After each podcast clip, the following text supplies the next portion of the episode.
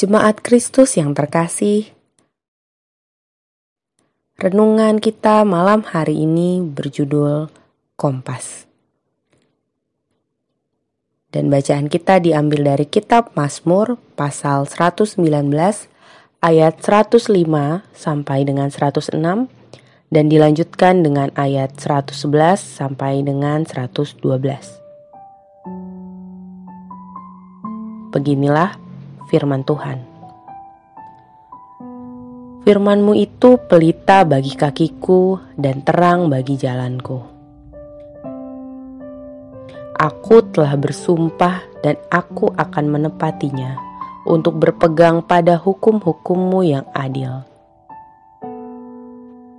Peringatan-peringatanmu adalah milik pusakaku untuk selama-lamanya, sebab semuanya itu kegirangan hatiku telah kucondongkan hatiku untuk melakukan ketetapan-ketetapanmu untuk selama-lamanya sampai saat terakhir. Kompas banyak dipakai dalam kegiatan pencipta alam, proses penyelamatan bencana alam, dan juga berguna untuk navigasi. Dari sekian kegiatan tersebut, kita dapat mengetahui apa fungsi utama dari kompas, yaitu untuk petunjuk arah dan sekaligus berfungsi untuk menolong seseorang memutuskan akan berjalan ke arah mana. Tanpa kompas, mungkin banyak orang sudah tersesat dan tidak ditemukan di hutan dan alam liar. Mungkin juga proses evakuasi terhadap bencana alam akan menjumpai kesulitan kalau kompas tidak bekerja semestinya. Atau bahkan, kita mungkin akan mendengar banyak cerita kegiatan transportasi, laut misalnya, akan kacau balau kalau tidak menggunakan kompas. Kita selalu membutuhkan panduan untuk melangkah dan mengambil keputusan. Tanpa panduan yang jelas, biasanya kita akan menjadi ragu, dan pada akhirnya apa yang kita kerjakan tidak maksimal dan bahkan mungkin tidak sesuai dengan keinginan awal kita. Ada banyak panduan yang tersedia di sekitar kita, dan semua menampilkan dan menawarkan kemudahan-kemudahan yang dijanjikan